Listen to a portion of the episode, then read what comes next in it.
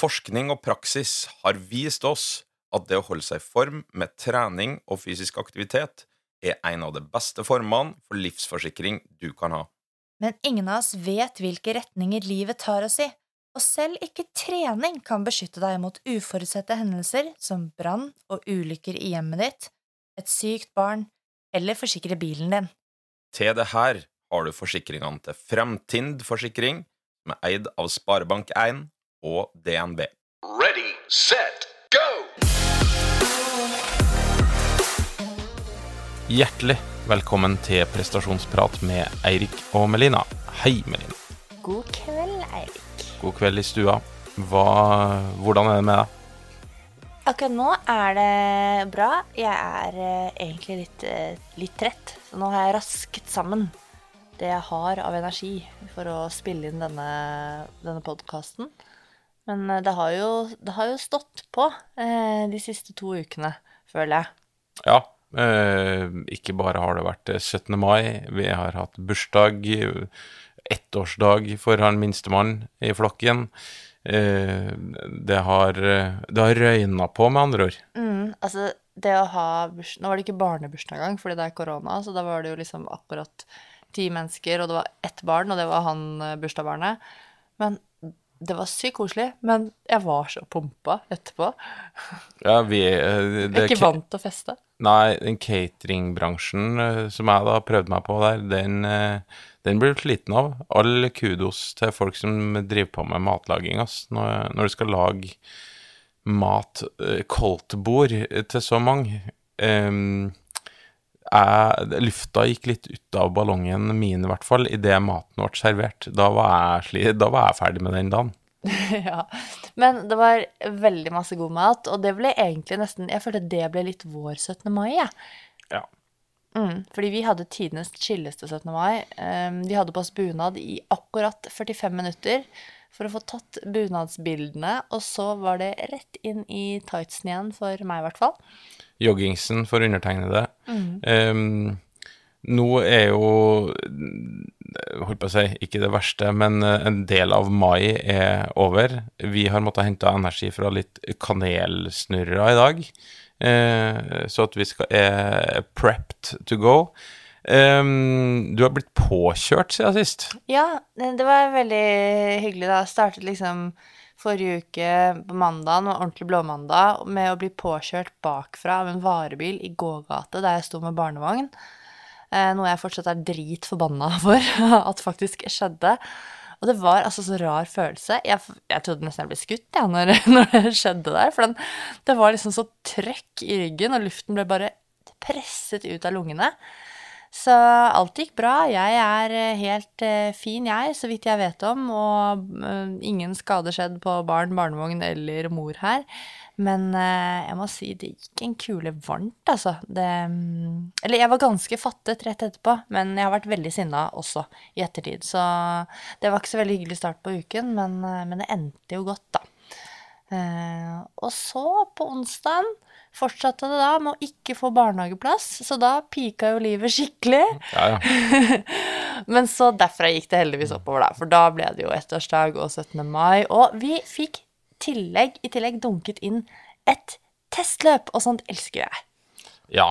Eh, du hører på stemmeleiet at du elsker det. Undertegnede, som da ble nummer to på det testløpet bak deg, uh, syns jo det er dritt. Eh, og innafor det temaet vi skal ha i dag, da, det kan jo være at jeg er rett og slett overtrent. Nei, nå må du gi deg. Eh, At jeg har eh, unexplained underperformance syndrome. Uh, ja, det må vi utbrodere litt mer for å konkludere med om du har det eller ikke. Men jeg kaster ut en brannfakkel på at du bare er litt dårligere trent enn du har pleid å være før, og jeg ikke er så verst trent, faktisk. Altså med andre ord at det ikke er unexplainable, men det er explainable. Det- Det, er syndromet mitt. It's very explainable. Ja. Vi går til dagens episode. Vi skal jo i dag snakke om overtreningssyndrom. Og det er jo noe som vi må definere og egentlig utbrodere litt mer for å i det hele tatt kunne snakke om det. Men det handler jo om um, noe som skjer med kroppen når du eh, når det er mange faktorer i en konstellasjon som ikke spiller på lag, som gjør at man ikke klarer å prestere på trening. Um, Eller i konkurranse. eller i konkurranse, det stemmer. Uh, Men før vi liksom dykker ordentlig inn i temaet på en litt mer faglig måte, hva slags erfaring har du, eller har du noen erfaringer med overtreningssyndrom som trener eller utøver du, Erik? Eh, ja, det har jeg. Eh, artslig for dere som trener enn som utøver. Eh, utøver var jeg tross alt ikke i, i veldig mange år, iallfall ikke på et veldig høyt nivå, og det begynner å bli fryktelig lenge siden. Du hadde nok perioder som utøver der du strakk strikken, men jeg var nok aldri der at uh, jeg fell inn under kategorien eh, overtrent, eller feiltrent, da. Eh, jeg var Jeg hadde kyssesyke på et tidspunkt. Eh, som plutselig satte meg tilbake, men det gikk e- relativt raskt over for meg. Så at eh, det var jeg heldig med. Men som trener eh, i plutselig ganske mange år, så har jeg jo hatt utøvere som jeg helt klart vil sette inn under kategorien overtrent, eller av dere eh, unexplained underperformance syndrome. Hva er beste oversettelse på norsk? Under, altså, Uforklart underpresteringssyndrom. ja. Jeg vet ikke om det finnes noe god Nei. direkte oversettelse på det. Nei, men poenget Altså, jeg, jeg liker det Altså, måten å si det på nesten bedre, for at overtrening syns jeg kan være litt sånn For meg da, så da er en av to årsaker. Enten så har du trent for mye, eller så har du restituert for lite. Føler jeg det eh, viser til. Mens det engelske ordet, da, unexplained underperformance syndrome, det er mer det jeg relaterer meg til i de casene jeg har vært borti. Fordi at det enten plutselig eller over tid har det har vedkommende gått fra å være veldig, veldig bra til å være en skygge av seg sjøl, uten at det er at jeg eller vedkommende klarer å finne noe i trening eller restitusjon som ja, på et vis er et fellende bevis for at det er det ene eller det andre der, da. Eh, sånn at jeg, sånn sett så liker jeg den måten å si det på veldig, veldig godt. Bedre enn overtrening eller feiltrening, som jeg syns i, i mitt eh, norske vokabular syns jeg det dekker litt lite. Ja, men det gjør egentlig det.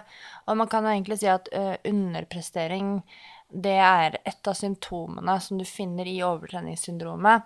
Eh, grunnen til at vi liksom drodler litt rundt disse to uttrykkene, unexplained underperformance syndrome og overtraining syndrome, det handler jo om at det er egentlig to ulike eh, leire.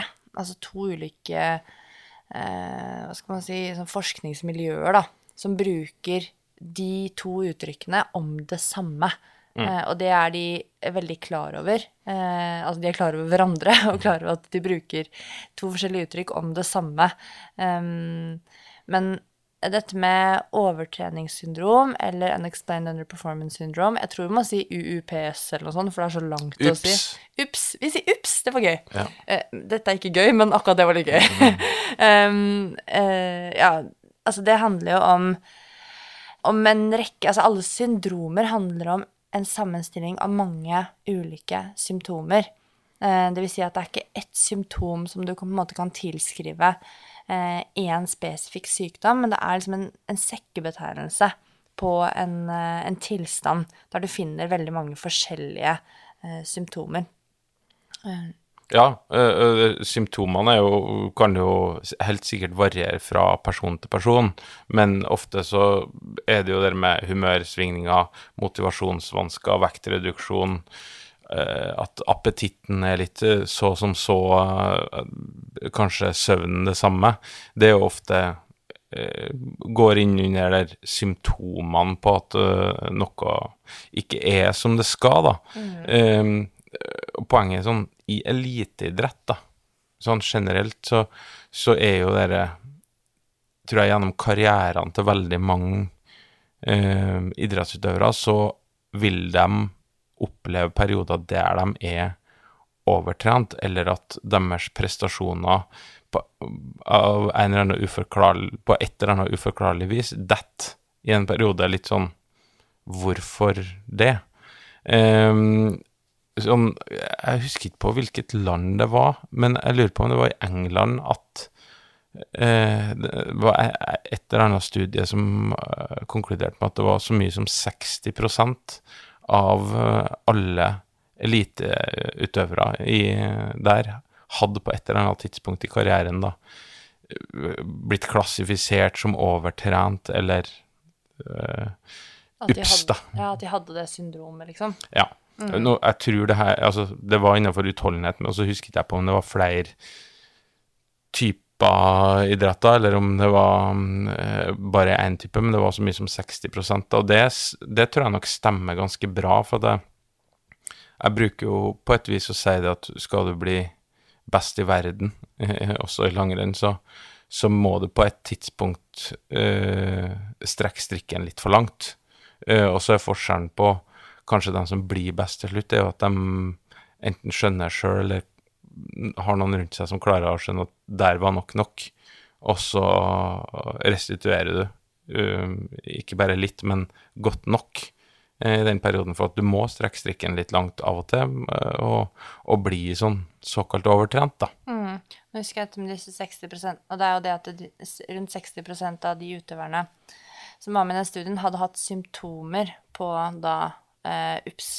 Um, det betyr jo ikke at de liksom var diagnostisert med det. Nei, nei. Um, og så er det jo sånn at um, Eller jeg tenker jo Det er viktig å understreke at det er en forskjell på det som eh, man kan kalle for en funksjonell overtrening, eller på engelsk kaller man det ofte en functional overreach. Og det er jo dette du snakker om, at liksom du strekker strikken litt langt, da. Ehm, eller noen ganger så snakker man om at man trener seg ned, ikke sant. At det er, det er eh, funksjonelt eh, det du gjør, fordi at du har et mål med det. Og det er en planlagt type liksom slitenhet, eller en planlagt måte å sette kroppen ut av likevekt på. Eh, fordi du skal restituere deg, og så få en overkompensasjon eller en superkompensasjon da, på de egenskapene du prøver å trene. Og det er veldig viktig å være bevisst på at det er forskjell på den type overtrening, for som man kan lese noen steder at det kalles rett og slett overtrening, eh, og det som er dette syndromet. Det er liksom to forskjellige ting. Og det er jo det syndromet vi skal prøve å liksom eh, dypdykke, i hvert fall dykke. vi skal dykke. Ja. Eh, Jeg tenker også at er eh, Noen ganger så har jeg i mitt stille sinn tenkt eh, at det er ikke sikkert at det er alltid man er altså, overtrent, at man har det syndromet per definisjon. Men at man kanskje i noen tilfeller også rett og slett er dårlig trent. Sånn at det, det at man måler seg selv med andre, og at man strekker strikken litt langt, altså i den perioden du strekker strikken langt, så føler man seg sliten. Du er ikke i topp humør kanskje, fordi at eh, du er bakerst på økta, og liksom Det er en del sånne ting som gjør at man kan fort kanskje tenke at man har et overtreningssyndrom, men, men det er langt mer alvorlig enn at du rett og slett er i, i dårligere form pga. et eller annet. At man Ja, har vært litt syk eller hatt et treningsopphold eller har trent for mye en liten periode. Det er jo det her som er vanskelig, da, vet du. Eh, og da eh, Hvis du Fordi du har enten eh, systematisk planlagt eller ikke planlagt, i hvert fall du har nedtrent deg sjøl, blitt litt for sliten, og så begynner du å skal restituere på det. Uh, og hva, hva er nok restitusjon? Uh, ofte så kan det være at det er en ganske lang periode du er nødt til å redusere belastninga betraktelig, noe som òg da kan føre til at du blir i dårligere form uh, i, i enden av det. At du kanskje er restituert godt nok etter den tøffe treningsbelastninga, men du rett og slett har blitt litt for dårlig form, og da er jeg et godt eksempel på at da blir dørstokkmila lang, da vil ting føles ganske tungt, da. Og er et, også et på en måte et signal som du kan tolke som at du fortsatt er, eh, er litt bekka over, da. men du er egentlig på andre sida av den fjelltoppen du helst skal ligge oppå. Ja, og det akkurat det du beskriver der, er i hvert fall min erfaring som, som fysiolog da, jeg møter med mange, spesielt unge utøvere. Eh, kanskje mest eh, unge gutter, når jeg tenker meg om. Det har vært noen jenter òg. Men em, som fysiolog så har jeg jo på en måte vært med på å gjennomføre en del testbatterier som vi bruker i forhold til Eller med tanke på å prøve å prøve å eh, avdekke, da, eller prøve å konkludere om det er overtreningssyndrom, eller hva, hva det er for noe. Prøve rett og slett å, å nøste opp i en del symptomer for å forsøke å, å hjelpe en utøver fra å være ikke-fungerende til å bli fungerende. Og da er det jo sånn for, for en Eller i hvert fall min erfaring er det at man har måttet skalere treningen så mye ned eh, fordi vedkommende er såpass Opplever seg såpass nedkjørt. Um, det kan være både mentalt og, og fysisk. Og så i de, liksom de ukene hvor man trener egentlig ganske lett og lite for å prøve å komme på den såkalte plussiden, da blir ikke den fysiske formen bedre. Man blir i dårligere fysisk form sammenlignet med det som den utøveren egentlig er vant til. Og, og da har du en referanse du har en referanse på hvor god du kunne være. ikke sant? Referanse på hvor god du har vært. Og det er hele tiden den man sammenligner seg med. Og det er nok ganske vanskelig eh, å liksom skille mellom det at ok, nå er du i dårlig fysisk form, her må, du, her må bygge sten på sten. Um, og, ja, og, og dette med overtreningssyndrom, da. Og så kan jo selvfølgelig det også opptre. At man rett og slett må godta å være i dårlig fysisk form en periode for å også um, hva skal jeg si, rehabilitere seg fra et overtreningssyndrom. Altså, det her uh, unexplained underperformance syndrome, eller overtrening, det er liksom uh, Det er jo definert som en uh, Karakterisert, da, som en, en tilstand hvor prestasjonen din eh, er litt sånn uforklarlig dårlig i en god periode. Sjøl om du prøver å gi kroppen restitusjon, så presterer du fortsatt dårlig. Så er det jo en gang sånn at det er jo ikke vanlig heller å perse på testløpet hver eneste gang. Det er ikke eh, ingen veks inn i himmelen. I hvert fall veldig få. Eh, det er litt sånn bumps in the road. Du, det, det er òg mange sånne måter å forklare på hvorfor en prestasjon ikke er nødvendigvis like god hver gang. Det kan være muskelskader, f.eks. Eh, fysiologiske eh, andre ting. At du er nedtrent, f.eks. Eh, kanskje ikke sovet godt nok. Du kan ha infeksjoner. Eh, virus, bakterier, bla, bla, bla. Jeg sa jo i innledninga her at jeg hadde kyssesyke, eller Epstein-Barr, eh, tror jeg det heter. Eh, det kan jeg jo skrive under på, at det var en periode som eh, jeg tenkte var unexplainable, men som viste seg å være ganske explainable. Ja, altså det er så mange årsaker til underprestasjon da, for de som er idrettsaktive og idrettsutøvere. Det er liksom alle de tingene du har nevnt nå, og så er det i tillegg liksom Det kan være at man er gravid. Eh, da går det ikke akkurat fortere i skisporet, for å si det sånn. Eh, det kan være miljøfaktorer som varme, kulde, høyde, ernæringsmessige faktorer, allergi. Det har jo du, Erik. Litt høysnue på Ja. deg. Ja, om det høysnø Det det bjørkesnue, i hvert fall.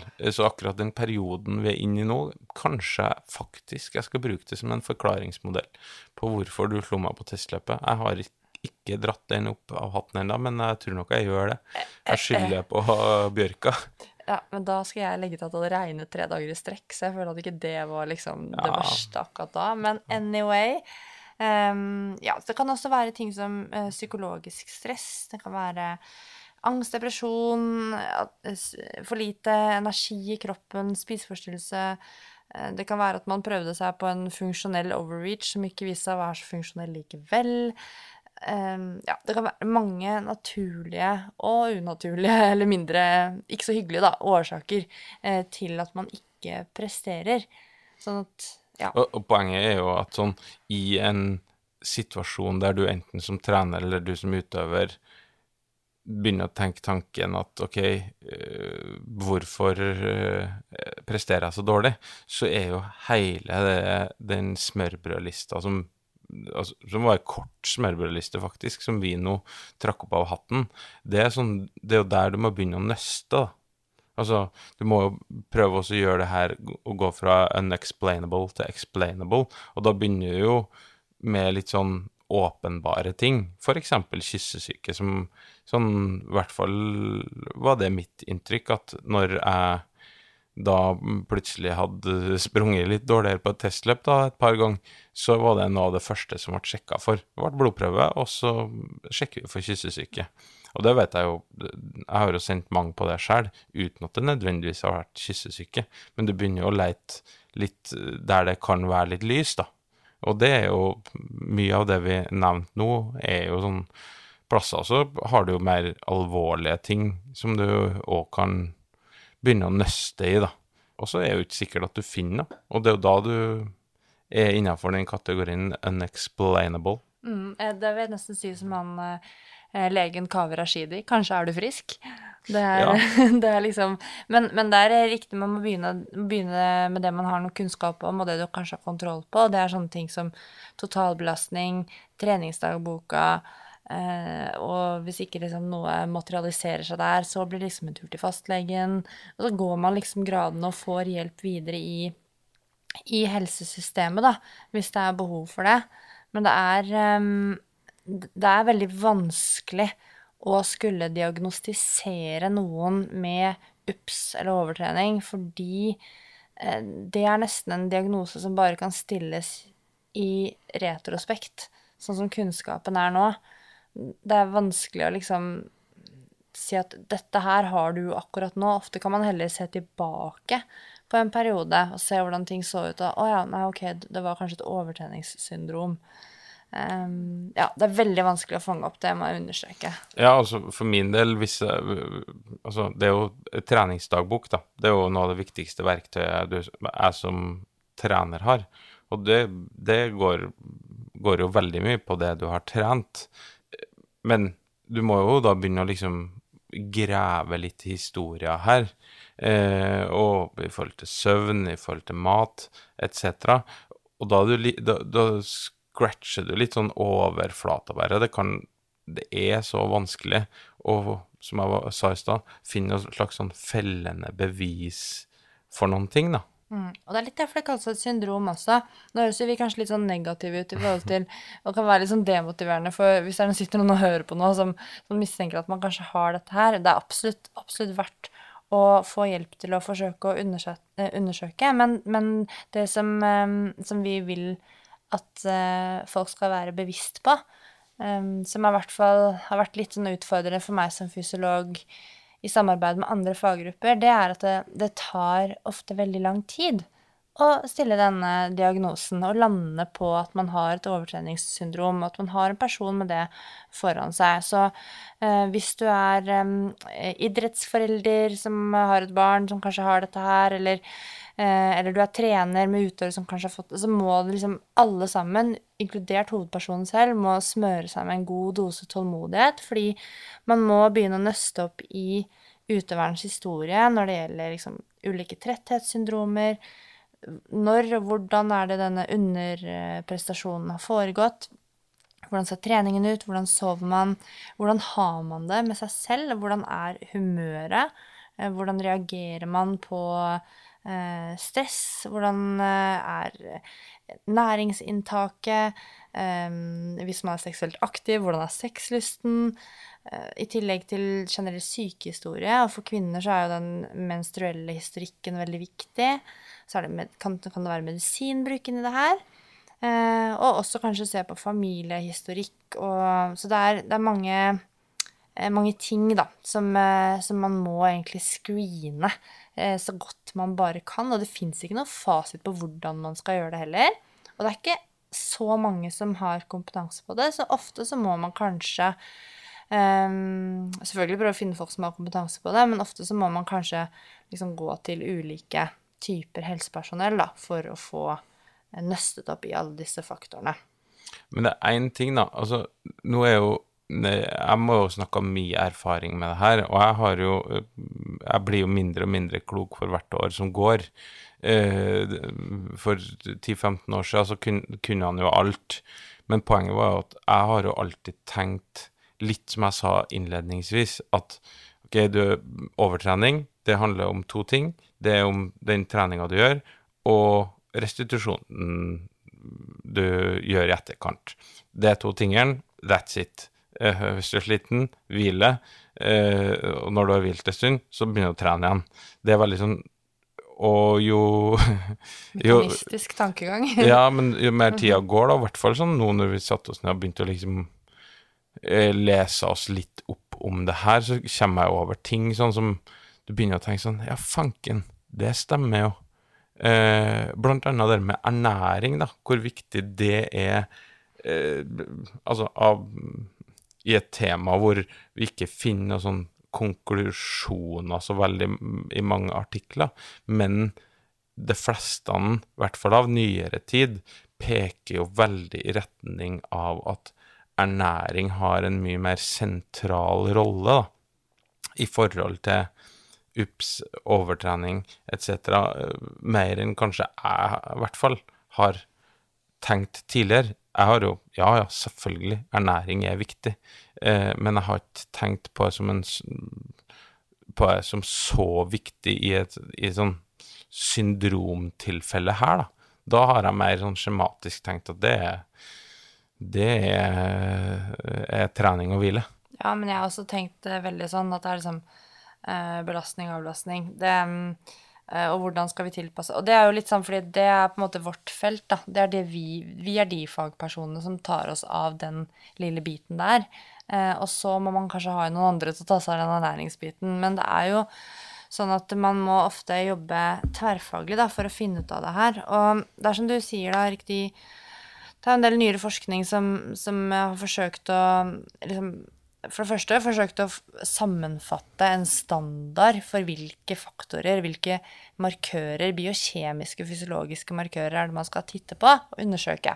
For å se hvilke eh, Eller prøve å finne ut om en person har et overtreningssyndrom eller ikke. Men det som viser seg, i hvis vi skal tro eh, konklusjonen i studiene, det er at det går ikke an å ha ett rigid sett med markører, altså blod, et sett med ting du skal ta prøver for, som du kan bruke på alle personer. Fordi at det er så utrolig individuelle responser på disse markørene hos overtreningspasienter. Så, så, så det fins ikke. Men det som man ser når det gjelder sånn enkeltstående faktorer, da, eh, som kan være med på å forklare eller, eller være årsak til bl.a. overtreningssyndrom, så ser man det at kaloriinntak er en, eh, en u, såkalt uavhengig variabel. Sånn at for lavt kaloriinntak i seg selv eh, kan, føre, kan være med på å pushe noen inn i et overtenningssyndrom. Og det samme kan også eh, Altså spisemønsteret, da. Eh, altså hvor mye eh, karbohydrater, proteiner man får i seg, og kalorier eh, totalt sett, i sammenheng også med søvn. Ehm, det kan også være faktorer som er med på å liksom, påvirke um, overtreningssyndrom. Uh, sånn at man har prøvd å liksom uh, Hva skal jeg si justere for da, disse faktorene for å finne ut om de har Eller hvilken grad de påvirker hvorvidt en person har overtreningssyndrom eller ikke. Så kaloriinntak, uh, totalt proteininntak og totalt karbohydratinntak i, og alene hver for seg, men også i sammenheng med søvn, har betydning. Ja, og så er jo poenget at i, spesielt i eliteidrett og toppidrett, så er jo det med det å være i negativ energibalanse, det eh, kan jo til tider eh, være fornuftig. Det, det gjøres jo i veldig mange idretter, enten i, i hensikt å eh, gå, gå ned i vekt, endre kroppssammensetning etc. Uh, og da, som du sier, da, så kan jo den her negative energibalansen over tid være med på å så, ja, bekke, bekke en utøver litt utpå, da. Spesielt når vedkommende, og høyst sannsynlig i samme periode, pusher strikken Strekker strikken. Han pusher ikke strikken, han strekker strikken. Eh, eh, og da, hvis du samtidig skal være i den lave eh, energibalansen, så eh, balanserer du om enda mer på en knivsegg. Så er det ikke dermed sagt at eh, ipso facto, eh, alle som gjør det sånn, de eh, går på en smell. Eh, men det er i hvert fall en risikofaktor for det, da. Ja, det, det er jo ikke sånn at alle går på en smell, men det understreker jo på en måte hvor viktig det er at man ikke driver og eh, Og spesielt som ung utøver, men jeg tenker at det er kanskje viktig at man Hvis man skal gjøre noen endringer i kroppssammensetningen, i vekten sin, altså gjøre et eller annet som setter deg i energiunderskudd og kan skape da lav energitilgjengelighet over tid, så bør man kanskje gjøre det i samråd med noen som kan se deg og din totalbelastning litt utenfra, og kanskje også noen som har ernæringskunnskapen til å faktisk sørge for at det ikke bikker over, da. Fordi det er Altså, når vi er i energiunderskudd over tid, så vil det påvirke kroppens liksom finstemte hormonsystem, og hormoner er ekstremt viktig for treningstilpasning. Sånn at det kan liksom Ja, det kan gi deg en prestasjonsfremmende effekt ved at du får en litt eh, mer riktigere kroppssammensetning for den idretten du driver med, eller at du kanskje gikk ned litt i vekt, og at man kanskje løper litt fortere. Men man må hele tiden ha liksom den langsiktige helsen med seg i bakhodet og i praksis, da. Ja. Det, jeg har lest om et studie der eh, som eh, også viser litt om at eliteutøvere de kan faktisk være i negativ energibalanse og likevel prestere. Da så de på to grupper som da eh, Den ene gruppa mm, holder på tolv uker, der de lå da i negativ energibalanse hele veien. Da begynte prestasjonen å falle. Lurer på om den faller 8% Jeg husker ikke nøyaktig hva det var de gjorde, men det var innenfor utholdenhet. Den ene gruppa, de, eh, av de samme tolv ukene, så fikk de to uker inni der, der de var i normalt, eh, normal energibalanse. Det var med på egentlig å opprettholde eh, da prestasjonen deres. Så sier jo litt om at kroppen tåler, tåler det ganske lenge, men det er om å ikke strekke strikken for langt, da. Det, og, og det her er jo over tid vi snakker. Det er jo aldri sånn den økta eller den matpakken som du droppa, eller den økta som ble ti minutter for lang. Det er jo Du må se det i et eh, litt lengre perspektiv. Og det her var jo, gjort på Altså dette er resultater på gruppenivå. Så er det viktig å huske at det alltid vil være individuelle variasjoner. Så selv om en studie f.eks. har vist det, så er det ikke sikkert det passer for seg, da. Nei. Så det man må i hvert fall være veldig konservativ, da, tenker jeg. Hvis man, hvis man skal eh, prøve å justere på kroppsvekten og endre kroppssammensetningen. Kanskje spesielt med tanke på å gå ned i vekt, da, egentlig. Ja, og det er jo sånn det med å trene uh, uten frokost, uh, eller med lite frokost, eller med lite tilgang på karbohydrat, da, det kan i tilfeller det kan utløse flere sånne inflammatoriske responser. Og blant annet Jeg har tatt meg en frihet. Eh, det å, å kjø, I og med at det her er podkast, og det får stå for min regning, eh, det å oversette et engelsk ord på et cytokin, da. Eh, det heter interleukin 6. Det har jeg kalt et utmattelsesmolekyl. Å ja. Eh, Kan du det engelske ordet? eh, fatigogen. Eller noe sånt. Fatigogen. Fatigogen. Ja. Whatever. ja, det har jeg. Så Google Translate, can you hear me? Det er noe oversatt til utmattelsesmolekyl. I hvert fall, det, eh, det har vist seg at ved eh, hvert fall ved langvarig trening uten tilstrekkelig karbohydrat, så får du eh, ganske mye utskillelse av det her cytokinet. Og i store mengder så eh, har det vist seg at kan være en sånn markør da, på utmattelsessyndrom Nei, ikke utmattelsessyndrom. Underperformance-syndrom. Nå ble det mye cytokiner og, og sånn her, men eh, Ja, interleukin 6, det er sånn eh, Det er nølegreier, da. Men eh, det er jo sånn som hele tiden dukket opp, husker jeg, når vi studerte, og det var, det var alltid sånn Det var alltid negativt. Eh, Det var i hvert fall sånn vi, vi ble lært opp til Ja. å tolke det. Det noe Da var det et eller annet som var, var noe nedbrytning og noe greier. Ja, så Så- det er noe utmattelses... Utmattelsesmolekylet Yes. øker, altså. Mm. Ok, så hvis du som trener eller utøver da, har tenkt å bli veldig, veldig god i noen ting, så har vi jo allerede adressert den biten med at da må strikken strekkes. Du må eh, klare kunststykket å balansere på den knivseggen hvor det på ene sida står overtrening, og på den andre sida står det litt for dårlig trent. Midt mellom der, det er der det er perfekt å være.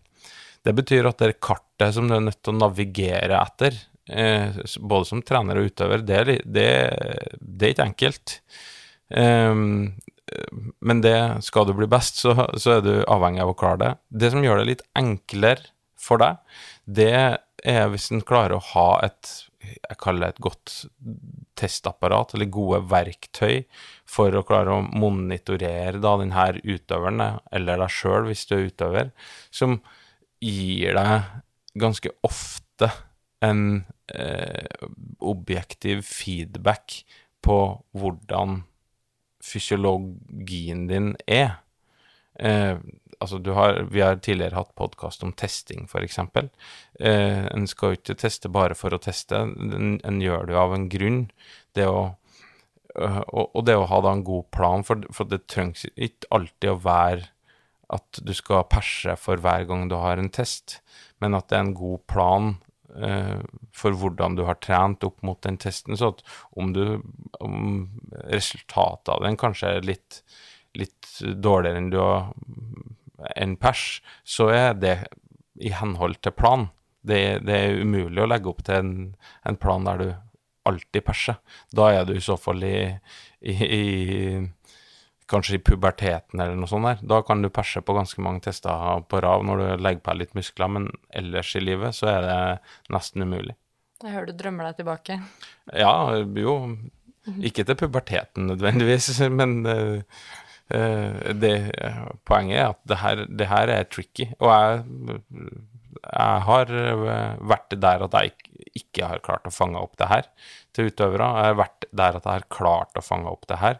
Eh, og er eh, sånn i retrospekt på dem jeg ikke har klart det på, så, så veit jeg nesten ikke hva jeg skulle ha gjort annerledes, annet enn at kanskje hatt enda flere parametere til å, å følge opp vedkommende, sånn at det kartet mitt hadde vært Det har vært litt mer tegn på det kartet å navigere etter.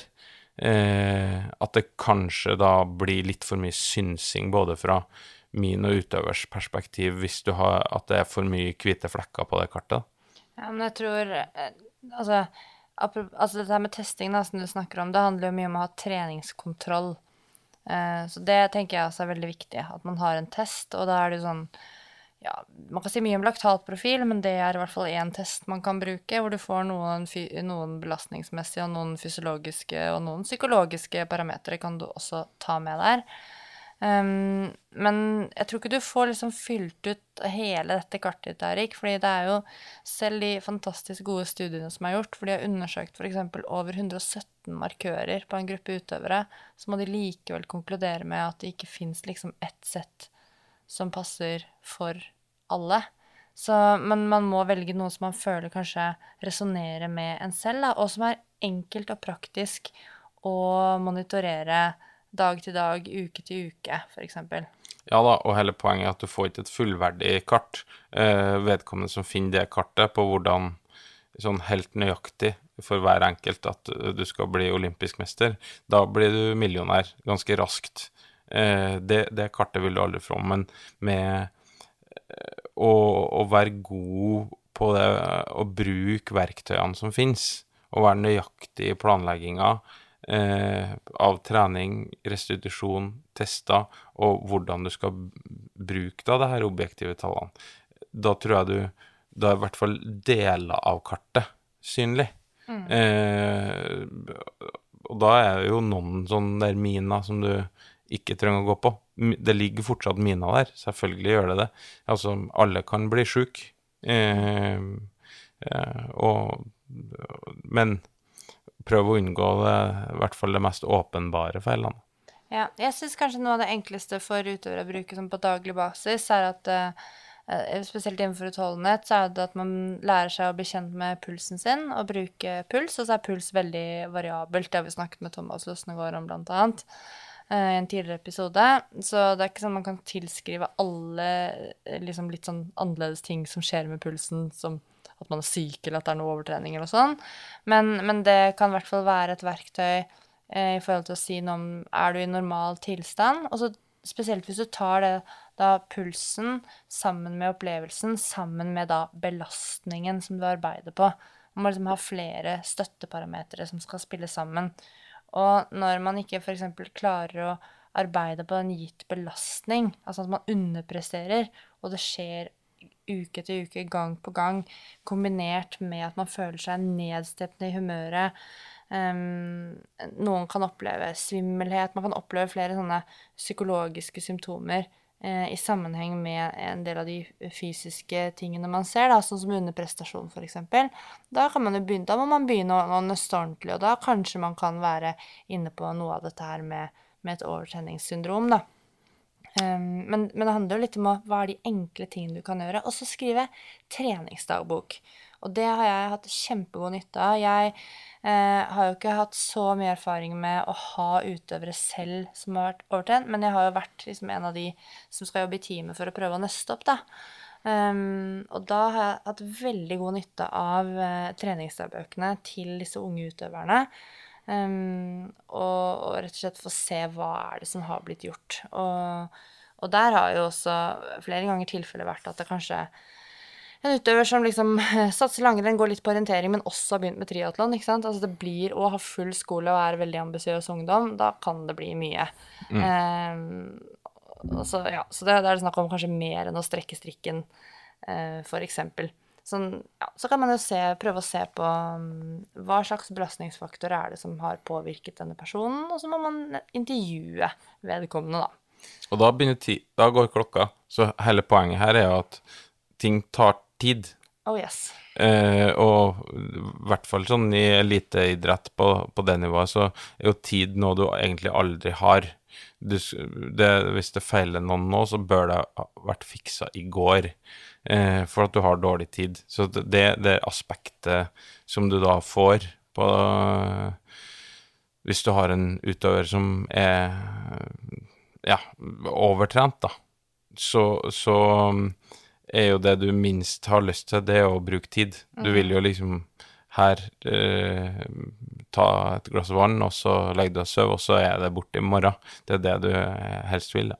Ja, da vil jeg argumentere for at du sparer tid hvis du er flink med treningsdagbok. Du kan til og med kanskje logge søvn, eller i hvert fall ha oversikt over hvordan du sover, og ha en, en bevisst opplevelse av det. Eh, For kvinner tracke menstruasjonssyklus, eh, og også eh, forsøke å ha en bevisst oversikt over og få mening om hvorvidt du er i energibalanse eller ikke. At du har oversikt over de tingene der. Og så som du sa også, Erik, du sa jo nøyaktighet når det gjelder treningsplanlegging.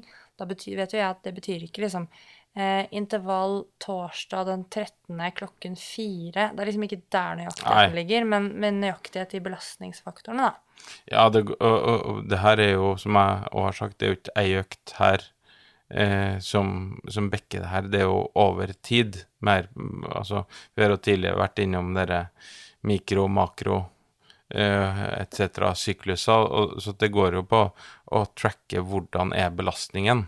Eh, og, og du tok det opp. Ernæringsbiten oppi det her, den eh, tror jeg er ganske viktig. At det er ikke noe problem i en liten periode å være i negativ energibalanse, men du, med en gang du er det over tid, gjerne i samarbeid med Eller ikke samarbeid, men samtidig med høye treningsbelastninger, da bør varsellampene blinke både til utøver og til trener. For da er du i faresonen. Mye formaninger fra oss her, men jeg føler jo det er viktige punkter, da. Ja da, i all den tid det her er et tema hvor vi ikke kan liksom En kan ikke eh, slå to strekker under noe svar, og her er den faktoren dere skal lete etter, etc. Det, det er mer sånn Det er et veldig sånn stort bilde, og vi skal legge ut den artikkelen som er litt sånn praktisk anlagt. Eh, som vi har brukt i hvert fall ganske mye til denne episoden, og det, den nå er jo litt sånn det er jo bare det er jo oppramsing av veldig, veldig, veldig, veldig mange faktorer. Og det sier jo litt om det her temaet. Det er multifaktorelt, så Da har vi i hvert fall prøvd å gjøre unexplained underperformance litt mer explained. ja. Ja. Vi eh, håper dere likte episoden, eh, at dere ikke blir overtrent med det første, eh, sånn som meg. Eh, og så eh, får vi snakke Og fram til neste gang, så høres vi. Det gjør vi. Følg oss gjerne i sosiale medier at prestasjonsprat, og så snakkes vi neste gang.